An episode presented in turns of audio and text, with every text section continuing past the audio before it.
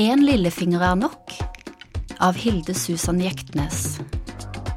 Lydsatt av Jolla Emiri. Novellen er en del av antologien Ibsen etter mørkets frembrudd, utgitt på Litt Melk forlag. Det er forfatteren som leser. Tenk om jeg kunne vekke dem til selverkjennelse, bringe dem til å angre og til å skamme seg for seg selv, få dem til å nærme seg hverandre i fordragelighet, i kjærlighet. Sitat fra Rosmer, fra Henrik Ibsens Rosmersholm 1886. Madame Helseth holdt øye med Rosmer til han forsvant over kloppen. Det betydde en lang tur, ikke den korte runden han tok til den store eika. De dagene han fant flyt i arbeidet og hastet ut for å finne den aller beste setningen rett bak eika, så han nesten lykkelig ut. Men lang tur betydde tvil, som de tunge skrittene slipte til en perfekt diamant i buken.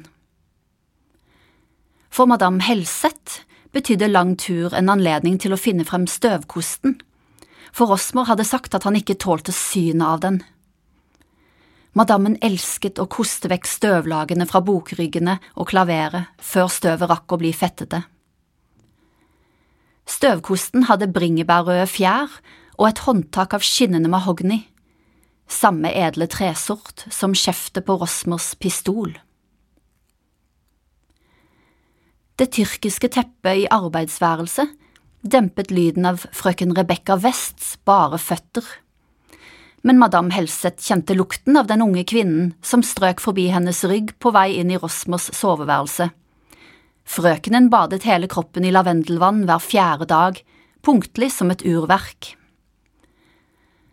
Madame Helseth sto på en fotskammel for å nå opp til Rosmers store oppslagsverk, og våget ikke snu seg for å bekrefte antagelsen. Vanligvis ville frøken West ha hilst madammen god morgen med sin varme, litt rustne stemme. Ikke i dag. Himmelen var melkeaktig og formidlet ingen tegn. Madame Helseth hadde for lengst sluttet å spå været. Det eneste som gjensto å tyde, var de hvite hestene som dukket opp på åskammen fra tid til annen. Beveget de seg, eller var de som månen, spikret fast uansett hvor fort man jaget bortover heia? Et dempet ul lød fra soveværelset.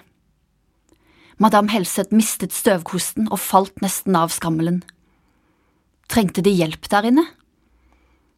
Hun hoppet ned, landet vondt på venstrefoten, vurderte å plukke opp støvkosten, men ombestemte seg og haltet mot soveværelset. Hun ble stående ved den tunge, halvåpne døren, fikk øye på fru Beate, som satt på kne i ektesengen med hendene trykket inntil kinnene, fortsatt i nattkjolen. Stakkars nådige fruen hadde smerter i sinnet igjen. Frøken West var skjult bak døren, men den høyre armen kom til syne idet hun grep fruen rundt håndleddet. Hører De meg? utbrøt frøkenen. Stemmen var uvanlig hard. Vi må gripe inn i livet med virksom hånd. Ikke la oss stenge inn i et bur av uvitenhet. Hun burde gå, det tilkom henne ikke å lytte i smug. Madame Helseth beveget seg alltid i et fast mønster, som om noen hadde krittet opp stier på gulvene og tildelte henne små nålestikk hvis hun beveget seg utenfor. Men noe ved frøkenens ord holdt henne fast. Var det slik at ord tilhørte alle som hørte dem, så lenge man evnet å legge dem på minnet? I fjæra ligger de store steinene, som spjærer den dunkle havoverflaten, hard som granitt, myk som smør, hører ikke til noe sted, kulisser i fru Beates barnslige hode. For du går aldri ut mer, sier Rosmer, hardt som granitt, mykt som smør, du ligger bare her. Men tror du at det vil forsvinne hvis du ikke går ut og møter luften du frykter? Det er kaldere ute enn du forestiller deg, og slik skal det være. Når du flyter i sengen, fryser du ikke. Forstår du ingenting, lærer du aldri. Rosmer er ikke her, han går den lange turen, sier frøken West står i morgenkjolen foran fruen som et lys uten veke, helt av seg selv brenner hun, og fru Beate holder øynene åpne så lenge at lyset går i ett med hennes egen nattkjole. Nattkjolen er lys som dagen, det har hun aldri tenkt på. Ingen forklarer henne det viktige. Lyst der frøkenen går, men hvem er frøkenens lys? Jeg har vondt, men vet ikke hvor, stønner fru Beate, griper seg til magen, men bommer, sneier den lille kuppelen mellom beina, et støt i halebeinet. Lenge siden Rosmer fant fred der inne, fylte henne til han ble mett. Én lillefinger er nok. Det er ikke slik at noe barn vil vokse der inne. Doktoren lukket lærvesken og kom aldri tilbake. Hvordan ser det ut der? Jeg tør ikke se etter. En marsipanrose, sa Rosmer etter bryllupsnatten. Bløte folder og Jomfru Marias hellige vann. Fruen er utslitt, de har ikke sovet på flere døgn, sier frøken West. Hun kryper opp i sengen, installerer seg bak fru Beate stemmer imot sengegavlen, løfter fruens lår med sine føtter. Legg dem inntil meg, finn varmen i min beredvillige favn, hvisker frøkenen. Fruens runde rygg mot frøkenens små, fornuftige bryster. Trekk opp knærne, fru Beate, len dem tungt tilbake, de knuser meg ikke jeg er hard, står imot hav, de hvite hestene løper gjennom meg. Lukten av lenket kjøtt plager meg ikke, og vannet? Det finnes i dem, frigjøringens tegn, gi meg vann, så får de frelse. Én lillefinger, ikke mer.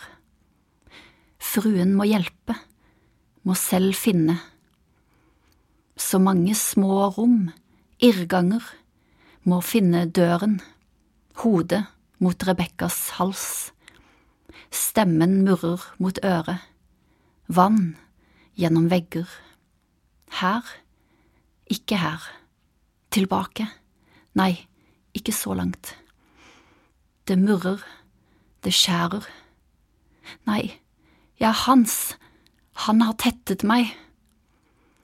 Frøken West, jeg husker ikke hvem jeg var før de kom. Det gjør vondt. Grip meg der, jeg vet ikke hvor. Kjolen deres lyser mot min. Flyter i sengen, fryser ikke. Ser at vinduet er kaldt på utsiden. Rebekka stakk langfingeren inn i fru Beates fødselskanal. Først søkende, og så med ettertrykk, slik adoptivfar West hadde vist henne i ung alder. Under fingeren kjente hun små riller risset inn av fruens ufruktbare tidevann. Fruens trange munn formet en mørk oval. Pusten begynte å gløde. Øynene var rettet mot vinduet. En høyfrekvent lyd pep i Rebekkas venstre øre.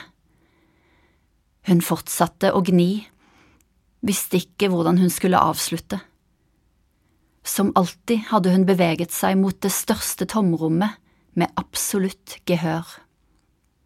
Hver dag ble veien foran henne noen alen lengre. Hun trengte bare å stå oppreist. Hun hørte at madame Helseth forsøkte å kontrollere pusten bak døren, visste godt at den gamle tøsen sto og spionerte.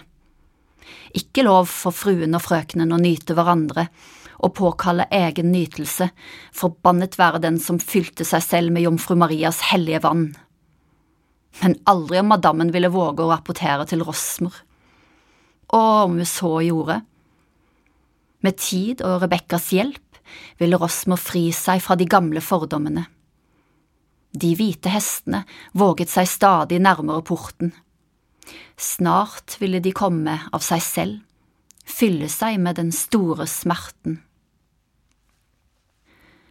Fru Beate vred hodet litt, prøvde å få øyekontakt. Rebekka merket at fruen var på vei ut av fortryllelsen. Det siste stykket på reisen var så vanskelig å fylle alene. På vei mot tomrommet, den vederstyggelige skammen. Det måtte ikke skje. Rebekka la den ene armen under fruens bryster og løftet henne hardt inntil seg, slikket henne i nakken, skjøv håret til side og kysset hårfestet. Kom. Hun fortsatte mot fruens øre, kjørte tungen hardt inn i øremuslingen, ut og inn, slo inn i hodet hennes med bølgens drønnende kraft. Rebekka visste hvor overmannende det var med høye lyder, husket adoptivfar Vests dype grynt i det venstre øret når hun prøvde å snu seg for å se ham. Kom til meg, knurret hun inn i det klissvåte øret mens hun klemte fruens bryst så hardt at fruen skrek til. Ikke la meg stå her alene i tomrommet. Kom! Fru Beate prøvde å bryte seg fri men presset seg samtidig så hardt mot Rebekka at det knaste i den utstående ryggraden mot sengegavlen. Rebekka undertrykket et sint utrop. Hadde alltid reagert hissig på smerte, ville straffe alt som fikk henne til å føle noe.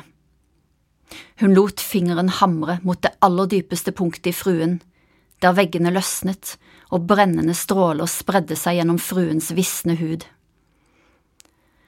Med slappe hender famlet fruen etter sitt eget skjød, men stanset i løse luften, ville ikke forstyrre styrtene av nytelse hun ikke selv rådde over.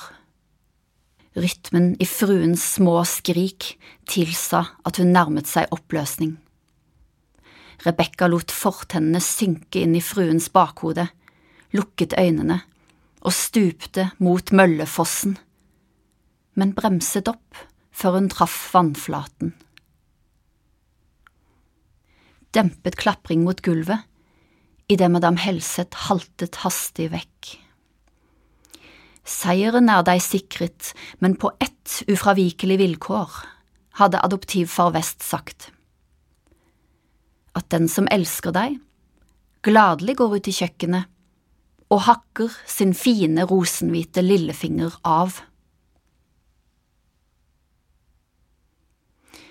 Fingeren fulgte tidevannet ut. Hestenes pust spredde seg over vinduet, frøs på utsiden.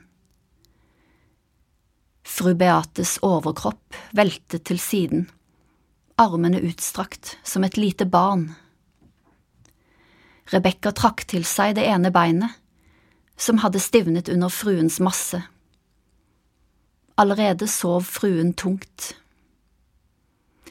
Et sted der ute løsnet Rosmer et bomskudd mot de hvite hestene. Rebekka trakk sine egne folder til side og kjørte inn kloen slik hun hadde lært. En gripende, anklagende seier. Du har hørt Én lillefinger er nok av Hilde Susan Jektnes. Lydsatt av Viola Emiri. For mer informasjon om forlaget Litt Melk Gå inn på www.melkmag.com.